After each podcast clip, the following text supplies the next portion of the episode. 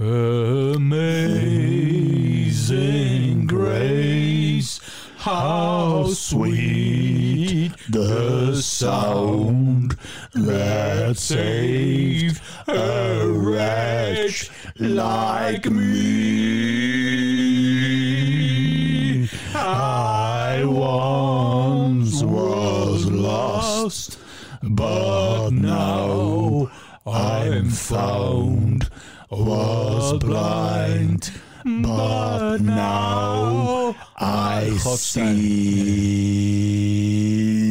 Ja, ja nou, en nu weten we hoe talentvol Aretha Franklin echt was. Amazing Grace draait nu in de Nederlandse theaters. Gaat dat zien.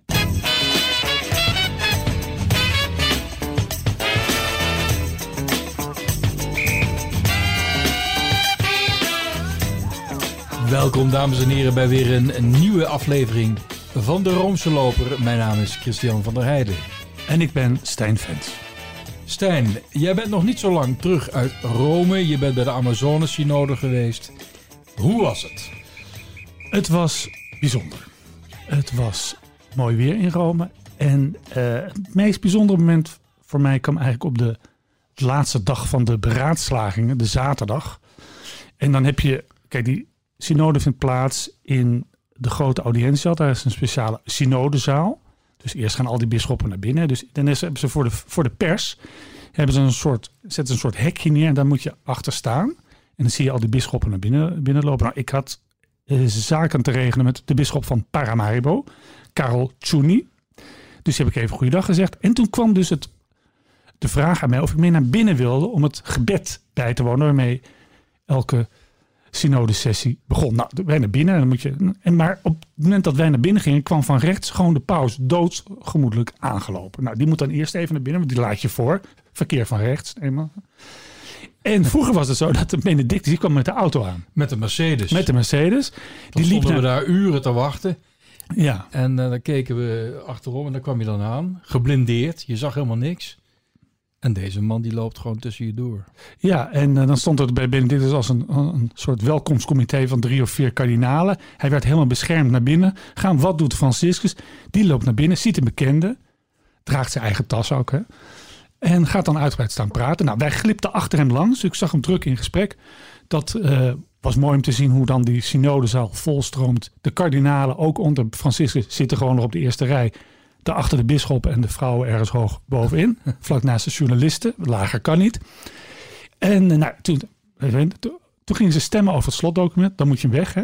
Ik hoorde dus uh, Baldisseri, de, de secretaris. Lorenzo Ja, Baldisseri. het serie die een beetje die synode in goede banen moet leiden. Ehm hoorde ik de stemming aankondigen. En nou, ik naar huis en ik zie op mijn tv-scherm op een gegeven moment de paus het slotwoord spreken. Dus ik dacht, nou, ik ga maar weer terug. Want straks komt de boel weer uit. Nou, toen stonden we tijdens hetzelfde, achter datzelfde hekje. Met een paar collega's en een, eh, een Brit en een, eh, en eh, een Argentijnse. Toen zagen we op onze schermen dat die synode klaar was. En toen kwam iedereen weer naar buiten. En wat gebeurde? Iedereen bleef staan. Normaal gaat iedereen weg. En ging elkaar omhelzen. Ze hadden drie weken leuk met elkaar opgetrokken. Omhelzen, selfies nemen. En plotseling voelde ik een witte verschijning in mijn rug. Ik dacht, wat is er voor aan de hand? dus ik kijk om, staat de paus naast me. Nou, dat is toch... Herkende die jou nog? Eh, nee, maar, maar, zei hij wel tegen mij. Stijn, dat stikstof, hè, dat is toch wat in, Nederland, hè? Mag ik een trekker van je lenen? Nee, hij herkende mij natuurlijk helemaal niet. Maar hij, zag wel, hij had blijkbaar, had blijkbaar wel eh, landgenoten herkend. Hij ging uiteraard staan omhelzen. En op dat moment maakte zich iets vreemds van mijn meester. Een soort begeerte, een soort gretigheid om hem ook de hand te schudden. Mhm. En nou ja, hij moest eerst met eh, 25 Argentijnen op de foto. En vlak voordat hij wegliep, eh, heb ik hem toch maar even een hand gegeven. Ja. En ik heb gezegd, eh, Heilige Vader, ik hoef geen selfie met u, een hand vol staart. En toen moest hij lachen, hij heeft me een hand gegeven. Daar is een video van gemaakt. Klopt. Heb ik gezien. Ja, Ja. En iemand riep in één keer, eh, viva il papa. ja dus dat, maar het is Dus toch toch waren journalisten. Dat waren journalisten. En ik zie ook wel eens op, in- op Twitter en op Facebook... als collega's van je met hem op reis gaan... dan komt hij dus altijd even voordat het vliegtuig opstijgt...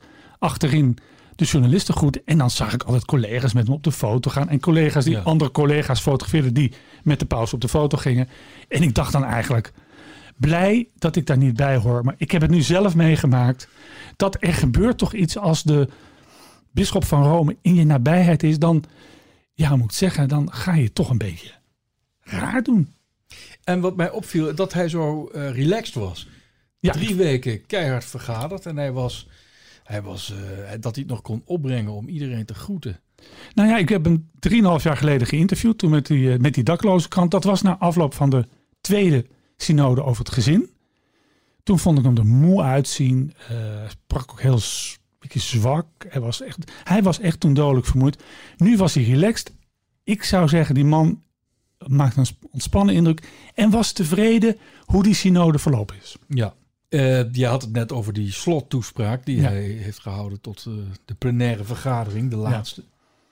En toen sprak hij ook enkele woorden over de media. En hoe dat de media ehm, het slotdocument zouden opvatten. Ja, En hij zei toen, ik hoop toch niet dat men gefocust is op altijd die kerkdisciplinaire aangelegenheden. Hè, zoals celibaat en zo. Vanochtend eh, was ik bij de Caro in Cervé, want daar heb ik ook nog een baantje. En daar kwam een collega naar me toe, ik zal de naam niet noemen, en die zei... Wat heerlijk hè, voor die priesters uit het Amazonegebied. Hoezo, zeg ik? Dat die nou eindelijk seks mogen hebben. ja. En ik denk, ik zeg, ik, maak je nou een grapje? Nee, dat is toch zo? Weet je, dat, dat zegt alles. Het gaat alleen maar over het celibaat en vrouwelijke diakens. Hè? Dus seksen en seks. Terwijl jij had al uh, bisschop, uh, Tju- uh, hoe noem je dat? ja ik heb begrepen dat ik Tjoeni moet zeggen. Ja, van Paramaribo. Dat was een mooi interviewtje trouwens. Dat zag ik, eh, stond ik op de voorpagina van eh, het geweldige Trouw. Ik ben helemaal vergeten te zeggen dat dit een Trouw-podcast is, by the way. Oh ja, het is een trouwpodcast. Die zegt, dus vroeg jij, en eh, zijn die mensen blij met, eh, met dat het celibaat misschien gaat sneuvelen? Toen zei hij, nou ja, als ik, teru- hè, als ik terugkom zullen ze me vragen... wat hebben jullie over de mensenrechten gezet... en over de aantasting van het Amazonewoud. Die, die hele discussie over het celibaat... zijn ze minder geïnteresseerd. Ja. En kijk, We moeten wat- er even over hebben, omdat Ja. het zo'n groot nieuws was. ja, Het is er nog niet doorheen, maar de, een, een ruime meerderheid van de synodevaders, lees deelhebbende bisschoppen aan de synode, die eh, hebben voorgesteld om aan permanente diakens, Ja. permanent diakens moeten we eigenlijk zeggen, dus dat wil zeggen degene die tot diaken zijn gewijd en daarna niet overgaan naar het priesterschap, geen transeunte diakens, vaak zijn dat gehuwde mannen, die moeten eh, van goede naam en faam zijn. ja, type geschikte huisvader. Geschikte huisvader. Dat heb jij geschreven, vond ik een mooie uitdrukking. Ja, eh, eh, maar als ze huisvader zijn, moet hun huis, hun gezin, wel stabiel zijn. Ja, nou, Dat staat er heel duidelijk. En de samenstelling van het gezin moet toch wel regulier zijn. Dus, dus geen onechte kinderen die daar in huizen rondhobbelen. En mensen die ook daar al uit die gemeenschappen zelf... Hè, Ja. dus niet dat je mensen gaat importeren of zo... dat alle Nee, ja. dat er bijvoorbeeld gehuwde katholieken denken... ik ga emigreren naar het Amazonegebied, dan kan ik priester worden. Ja. Dat zit er niet in. De criteria voor deze priesterwijding zijn volgens mij vele malen eh, strenger dan wanneer je gewoon het seminarie doet en je belooft celibaat. Hè? Maar hier moet je ook succesvol huisvader zijn, succesvol permanent diaken. Je moet heel goed bekend staan in je lokale gemeenschap. Dat is natuurlijk niet iedereen. Nee, en laten we, laten we wel zijn, er zijn op dit moment al gehuwde priesters binnen de Rooms-Katholieke Kerk. Er zijn, eh, nou, Martin Los is een voorbeeld die, eh, van het aartsbisdom Utrecht. Was gereformeerd dominee, is al heel lang geleden overgestapt naar de Rooms-Katholieke Kerk. Is nu pastoor in Leidse Rijn bij Utrecht. Er zijn natuurlijk allerlei Anglikaanse priesters. eh, daar is zelfs een soort speciale constructie voor bedacht. Overgestapt. Benedictus de 16e. Ja, toen de Anglikaanse kerk besloot vrouwen te gaan wijden en de katholieke kerk zei, ja, als je dat, eh, dan kom maar bij ons. Hè? Als je daar, die mensen, die Anglikanen konden daar slecht mee leven. Dus de uitzonderingen bestaan al. De fout die ook gemaakt wordt, is dat er nu wordt gezegd, priesters kunnen trouwen. Nee, wat gebeurt er? Gehuwde mannen, hè? dus die type geschikte, type geschikt, geschikte huisvader, kunnen tot priester worden gewijd. En dat is toch een andere nuance. Ja, en het celibaat zal ook niet worden afgeschaft. Dat kan helemaal niet. Want ik, ik zat in een radio-uitzending. Het celibaat moet eraan. Toen zei ik, ja, nee, je kunt niemand verplichten om te trouwen. Nee. en, En als iemand celibatair wil leven, dan moet hij dat vooral doen. zoals Paulus zegt, hè, die heeft de voorkeur voor het ongehuwde leven. De- nou, fijn. Ehm, maar, maar wat ik eigenlijk, Stijn, toch veel interessanter vind, is het... Maar mag ik nog even, voordat jij dat... Ik weet waar jij heen gaat. Ja. Wat ik, wat ik toch even nog wil zeggen, voordat we eh, eh, de grootste rel tijdens deze synode gaan, want ik voel hem al aankomen. Ja, ja. Eh, wat ik eigenlijk daaronder veel, veel belangrijker vind. Drie weken lang heeft de paus en al die curie, kardinalen en bisschoppen hebben geluisterd naar verhalen uit, de Amazo- uit het Amazonegebied. Ik denk dat er geen synode geweest is waar de consultatie dus van tevoren zo uitgebreid is geweest. Drie weken lang hebben ze ernaar geluisterd. Je zou kunnen zeggen dat eeuwenlang het Westen een beetje heeft bepaald hoe die kerk er in het zuiden uit moest zien. En nu, de afgelopen drie weken althans, zaten de bisschoppen uit het Amazonegebied aan het stuur. En je ziet eigenlijk met de komst van een Argentijnse paus, is er, dat was eigenlijk al een teken van een, verschuiving, een, een verschuiving in de machtsbalans in de kerk. En eh, nu zou je kunnen zeggen dat, als je het heel ver wil doorvoeren, dat het zuiden het noorden evangeliseert. En dat is de grote verandering. Of die, nou nogmaals, of dat celibaat, wat helemaal niet kan, wordt afgeschaft. Of die vrouwelijke diakens er zullen komen. Juist. Maar over vrouwen gesproken. Ik maak even een bruggetje. Heel goed. Daar speelt namelijk eh, iets, iets heel, heel ehm, belangrijks. Een kwestie die ehm, eigenlijk aan de rand van de synode eh, zich afspeelde. Maar die volgens mij grote consequenties zal hebben. En dat is namelijk de kwestie van de afgoderij. Om met een duur woord te zeggen, idolatrie. Op 4 oktober dus vlak voor het begin van de synode, is op het feest van Sint Franciscus van Assisi deze synode toegewijd aan Il Poverello. De Ja. man Uit het dal van, Spoleto. Juist. Ja. Deze vader der minderbroeders eh, werd daar geëerd, maar er werd ook iemand anders vereerd. En voor ons sommigen zelfs aanbeden. En dan hebben we het over La Pachamama. Wil je dat nog één keer zeggen? Pachamama. Eh, waar hebben we het over? In de tuin van het Vaticaan. Tuinen, hè? we moeten eigenlijk zeggen de Vaticaanse tuinen. Maar in één gedeelte van die tuin zat de paus met een rij kardinalen ehm, te kijken naar een Amazonisch ritueel. Daar waren wat indianen, mag je niet meer zeggen, maar inheemse mensen. Die dansten in een kring en eh, rondom een sprei.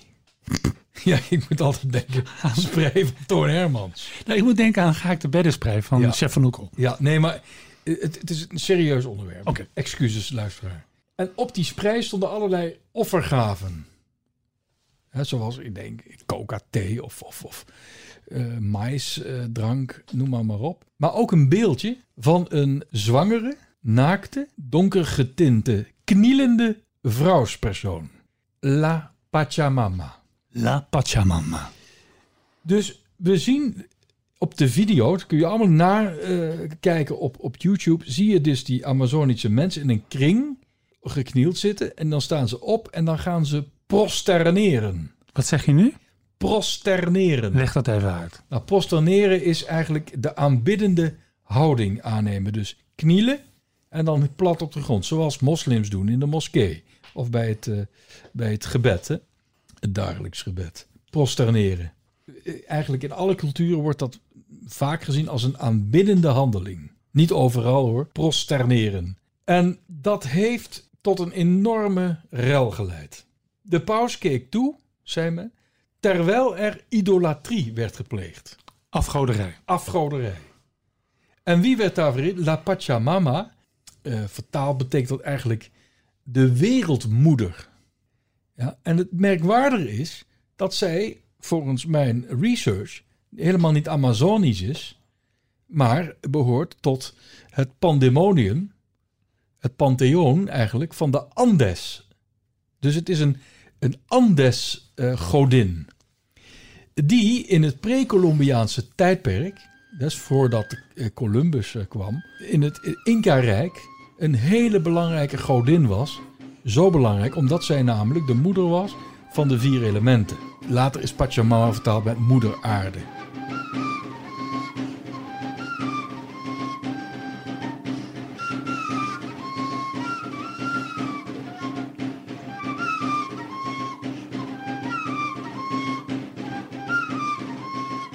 Deze moeder die zorgde voor alles, voor, de, voor, voor, voor regen, noem maar op. En om die moeder, eh, die, die, die mama, eh, tevreden te stellen, werden er geregeld kinderoffers gebracht. En allerlei gruwelijkheden. Dat zien we ook allemaal terug in het Oude Testament. Hè, met, met allerlei, tijdens vruchtbaarheidscultussen van Baal, noem maar, maar op. Maar, maar als ik jou nou goed begrijp, dan, dan die hele godsdienst van de Inca's, is dat nou een heidense godsdienst? Ja, al, al, al, al- allicht. Wat anders?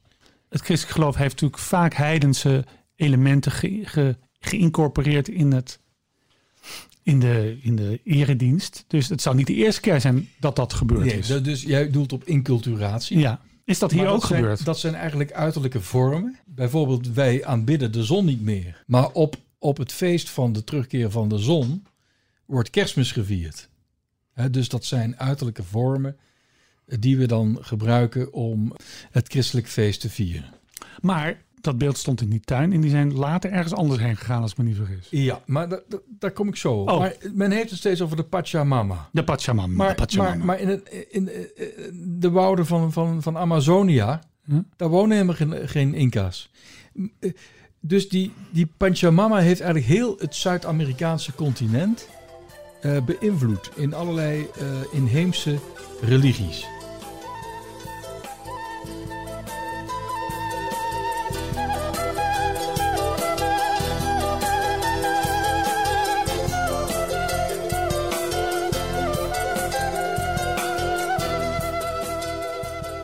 En men was geschokt. Want men, men, men zag daar dat, er was zelfs een Franciscaan bij in die kring, dat men op de knieën ging en de aanbiddende houding aannam voor die Pachamama. En de paus en de kardinalen keken toe.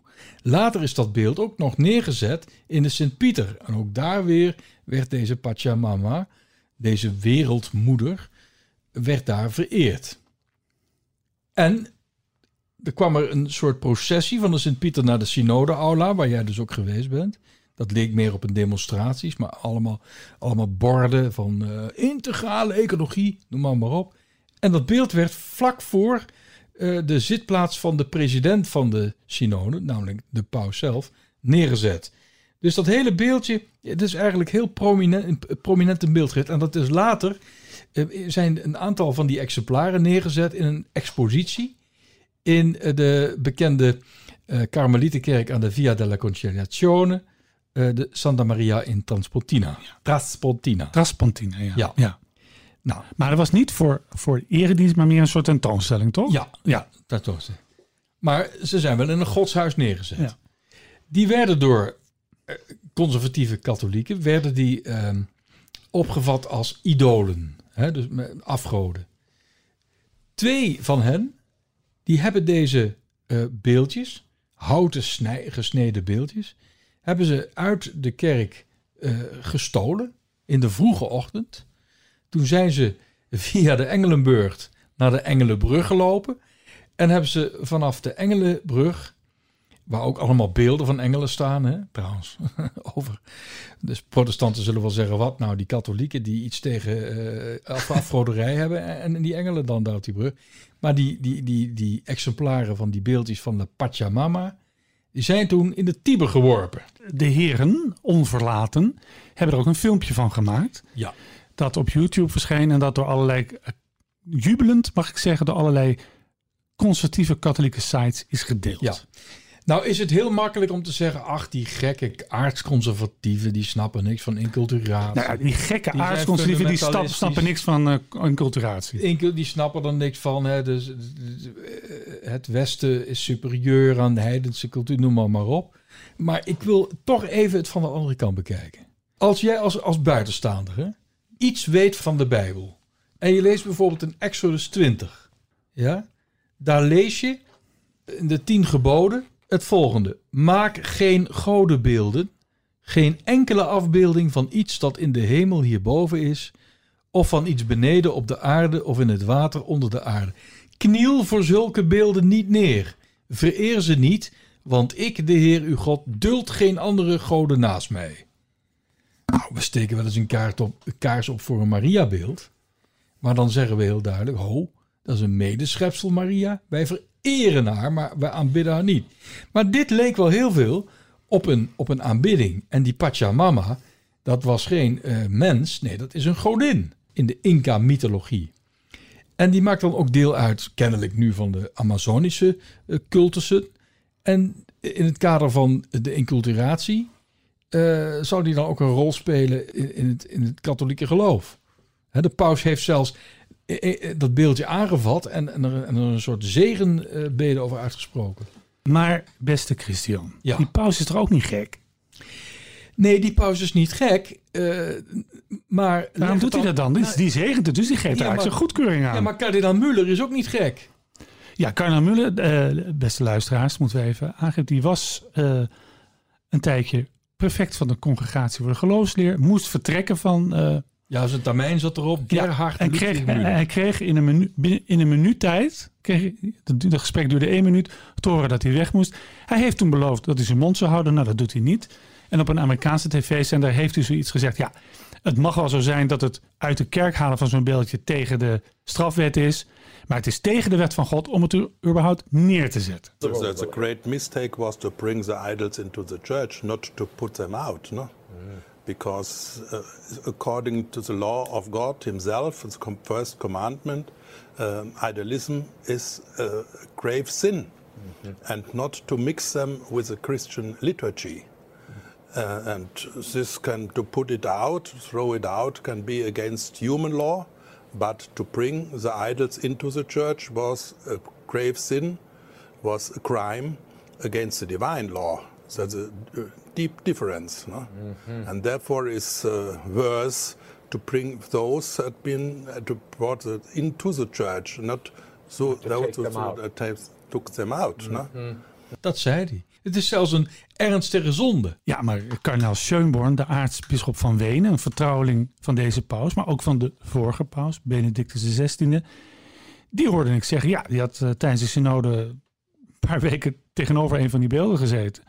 En die zei, ik kan daar niks schandaligs, nat, hij gebruikt het Engels woord scandalous, in zien. Het is een symbool van leven. Die leek er niet zo mee te zitten. During the whole synod I was sitting in front of one of these uh, statutes, and I, I, never found it scandalous. I, I, uh, I guess yourself and myself, we have been in a mother's womb.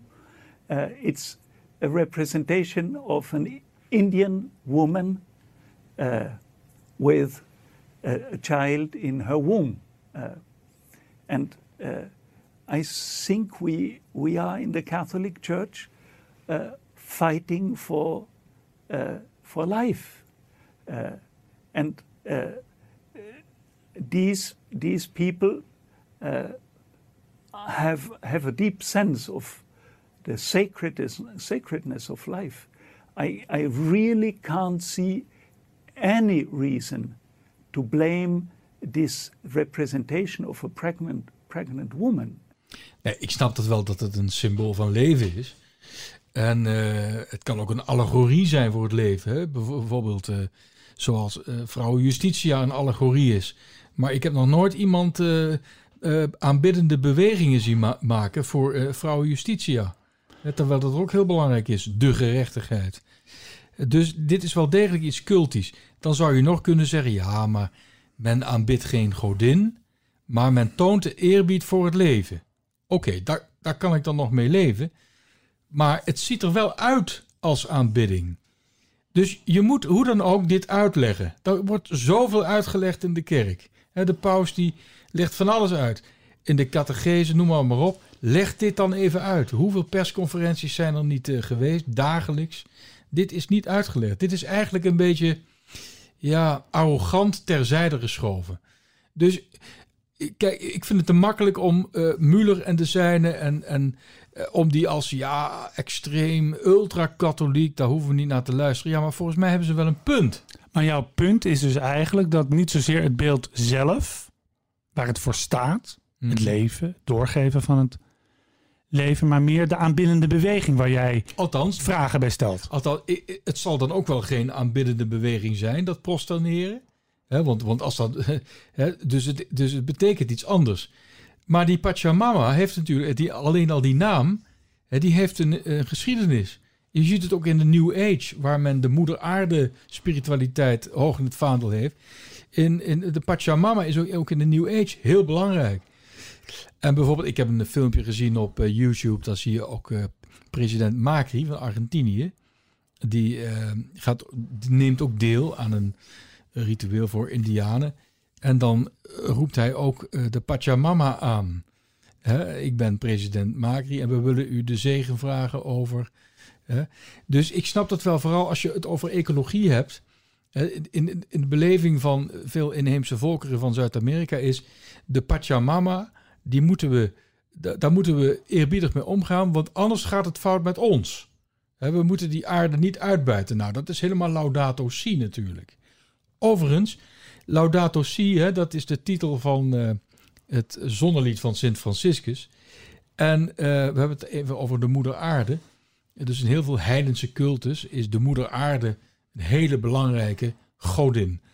En de moeder aarde wordt ook genoemd in dit prachtige lied van Sint Franciscus van Assisi. Ik eh Ga je zingen? even. Ga je weer zingen? Nou, we weten de melodie namelijk niet. Maar Oh ja. goed. Eh, Laudato si, mi signore. Het is een Umbrisch eh, dialect eigenlijk. Per sora nostra madre terra.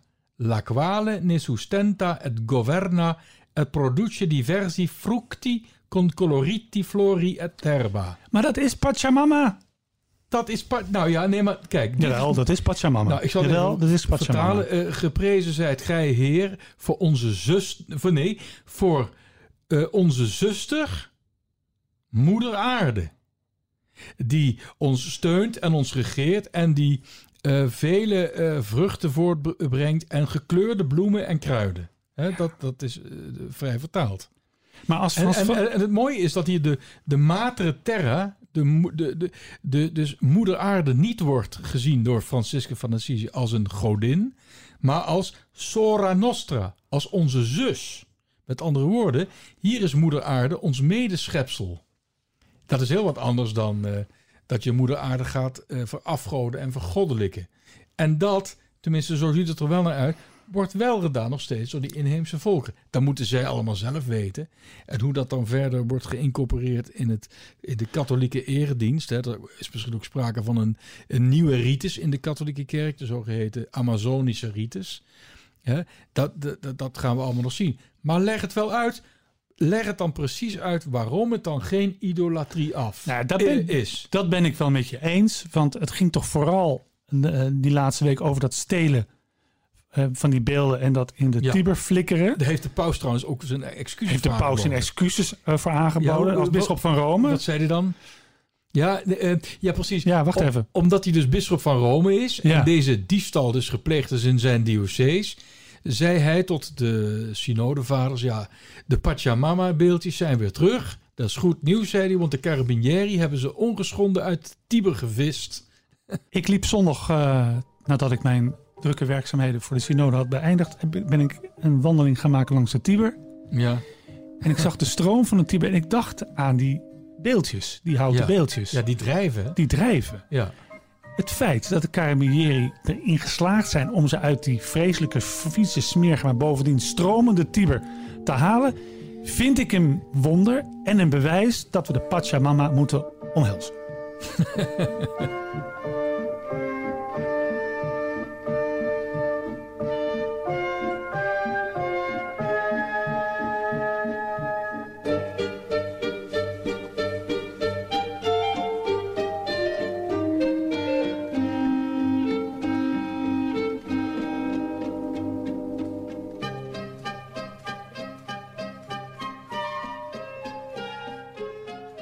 deden aan het begin van deze podcast een poging om Amazing Grace een beetje goed te zingen. Het is zo moeilijk. Ja, ik moet dan ook toch even denken aan eh, mijn goede vriendin Mieke Telkamp. Ja, dat Waarheen een leidt de weg? Waarheen? Ik zal hem. Nou, hij doet het wel goed na. Ja, maar ik vind het dat was prachtig. Ja, en die zong dat ook Ja, mooi. maar Amazing Grace eh, is eigenlijk dat is heel populair, vooral in zwarte gemeenschappen. En, en daarom heet die film die nu uit is, waarin we Aretha Franklin zien schitteren, ook Amazing Grace. Het is, eh, nou, en we hebben eh, Barack Obama, president Obama, het ook horen zingen in zo'n congregation na een racistische moord. Indrukwekkend. Maar wat is nou de ironie? Dit, eh, pracht, deze, dit gezang, het is een hymne, is gecomponeerd door een, door een Brit, een Engelsman. Een eh, geestelijke van de, van de Anglikaanse klerus. John Newton. Newton. Ja. Newton. Newton, ja. Geen Newman, maar Newton. Ja, dan moet ik toch even terugkomen op een stuk wat ik geschreven heb eh, voor de, aan de vooravond van de heiligverklaring van kardinaal John Henry Newman. En door een redactioneel misverstand, laat ik het zo maar zeggen, stond dat interview op de cover van de verdieping aangekondigd als John Henry Newton. Of Newton Ja. Heilig verklaard stond er. Newton heilig verklaard Ja. stond er zoiets. Nou, en nu hebben we hier echt te maken met John Newton. En niet met John Newman. Een, een, een- een, een 18e eeuwer, hè? Ja, En het- die heeft het geschreven, Amazing Grace, Ja. geweldige genade. wat ik zo grappig vind. Hij wou die John Newton was dus werkzaam in de slavenhandel. Ja, een dat is de ironie. Ja, En nu is het eigenlijk de hit van, van, van de gospel, de zwarte gospel. nou, kijk, het is toch ironisch dat John Newton eerst zwarte moest onderdrukken. Hij was werkzaam in de slavenhandel. En dus toen daarna verantwoordelijk is geworden voor een hymne die nog elke zondag in al die prachtige zwarte kerken in Amerika, over heel Amerika verspreid klinkt. Ja. Dat is toch prachtig? Schitterend. We gaan een stukje luisteren naar deze film. Prachtige film. Eh, geen Amazing Grace, een andere spiritual Precious Lord.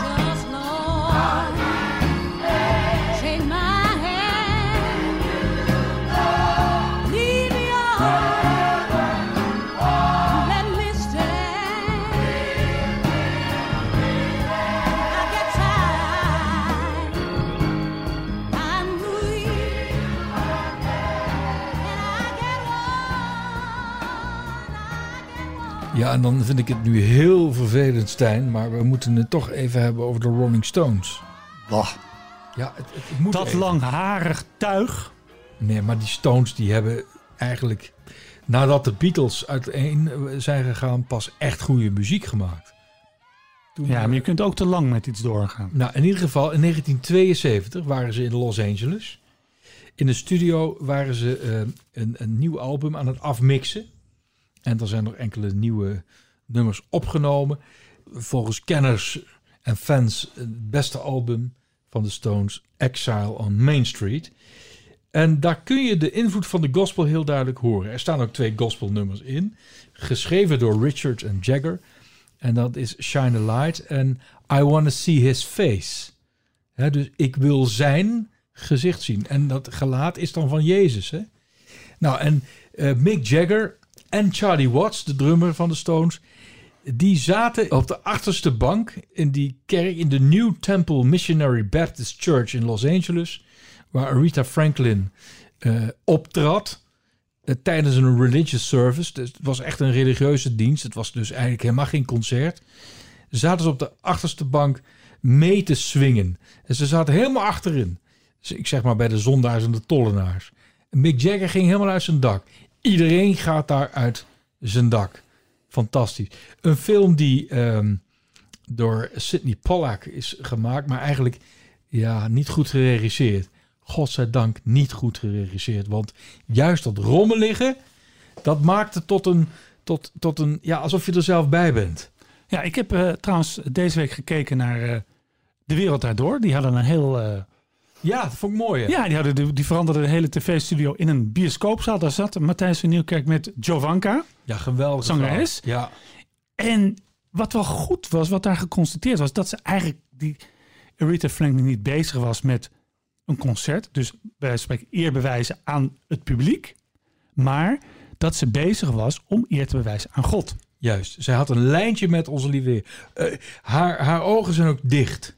Ja. En ze, ze is aan het bidden. Ja. En toen, toen vroeg Jovanka aan Matthijs van Nieuwkerk, geloof jij eigenlijk, kun je daar iets mee met die connotatie? Ja, Ja, en toen bleef Matthijs weer met zijn mond vol tanden. Hij kan daar niet mee omgaan. Met, Nee, maar ik, ik, ik vond het van de andere kant. Eh, hij dacht van het zou nou nu niet echt kies zijn om nu de verzuurde atheïst uit te hangen. Ik wil zo graag weten, jij- ik bedoel, iedereen weet dat jij zo'n beetje haar grootste fan bent. En je draait, draait altijd die muziek voor de Dat uitzending. 15 Dat doe je al 15 jaar. Ik kom uit een gelovig gezin. Geloof is heel belangrijk voor mij. Dus op het, zij tapt hier uit een vat wat ik ken. Weet je, ze, ze- she's Hmm. reaching out to a source that I know. Jij bent niet per se gelovig. Hoe ervaar jij dit wat zij doet? Nou, ik heb deze film vanmiddag voor het eerst gezien. Ik heb Ja. natuurlijk haar heel vaak gezien. Ja. En ze heeft me altijd, of bijna in alle gevallen, imponeert ze me en maakt ze de grootst mogelijke indruk. Maar hier, misschien Wat wel, hier voor jou? misschien wel vanwege dat ik zie dat zij het niet meer. Het gaat niet meer tussen haar en het publiek. Het gaat nu tussen haar en, en, en, en de Lord. Ja. Dat gevoel heb ik. Ja. En dat maakt het tot een volstrekt ander concert dan welk concert ik ooit van haar gezien heb. Maar je voelt het, hè? Dat, daar, dat, daar iets supernaturals nou ja, je, je ziet het en je voelt het en je hoort het. Je hoort het, hè? Ja, ja. Hij had er toch ook wel respect voor. Hij sprak niet over Rita Franklin bidt met God. Nee, hij, ze is verbonden met de Heer, zei hij. hè? ja, ja. Maar Jovanka vond ik echt geweldig. Die zei toen ze die film had gezien, zei: waarom moet ik nou steeds huilen? Zei ze. Ja, omdat ik ik kom uit die cultuur. Dan mag ik dan nog even Ja. iets met je delen, want ik ben ook wel eens eh, in... Je deelt het niet alleen met mij nu, hè? Nou ja, maar ik deel het wel even met jou nu. Oh, Ik ben natuurlijk ook eh, in New York geweest. In, hij wel. ja, en ook in, eh, in Harlem. Dat, en toen heb ik ook wel eens de mogelijkheid gehad om naar zo'n viering toe te gaan. Maar ik was In toch, Harlem? Ja, ik was toch terughoudend. Want ik voelde mij, als ik daar naar binnen kom en het swingt de pan uit. Het heeft een Ja. intensiteit die ik niet in mij heb. Ja. Ja, dan ga je als een soort toeschouwer daarbij zitten. Dus dat heb ik toen maar niet gedaan. Nee, heb dat- ik daar nou goed of fout aan gedaan? Ja, dat is een goeie. Ik, waar ik ook een beetje moeite mee heb, is... Nu ben ik heel zuur. Zijn eh, koren van witte mensen... die eh, zwarte gospel, gospel, gospel gaan uitvoeren. Hè? Alsof je Nigerianen een Volendamse klomperdans laat uitvoeren. ik, dat kan toch ook niet? Nee, nee. Hè? Nou, en ik hoop Ja. dat, eh, dat nu deze film uiteindelijk is uitgebracht. Want ik heb begrepen dat hij iets van 50 jaar op de plank heeft gelegen. ja. Dat Ja. dat eerbewijs aan de Heer ook daadwerkelijk doorkomt daarboven. Ja, trouwens, eh, je weet waarom het zo lang op de planken is, eh, heeft gelegen, hè? Was het kwijt? Nou, het was nee, het, het, het, het lag er gewoon. Maar die Sidney Pollack, die, eh, die kreeg de film niet sync. Dus geluid en beelden, dat kreeg hij niet. Nou, eh, toen is dat gedigitaliseerd. En toen hebben ze dat wel klaargekregen. Toen was hij uiteindelijk uit, eh, kon uitkomen. Maar daar heeft eh, Rita Franklin zelf een stokje voor gestoken. En ik snap dat ook wel, want ze, ja, het is niet, eh, ze, is continu aan het zweten.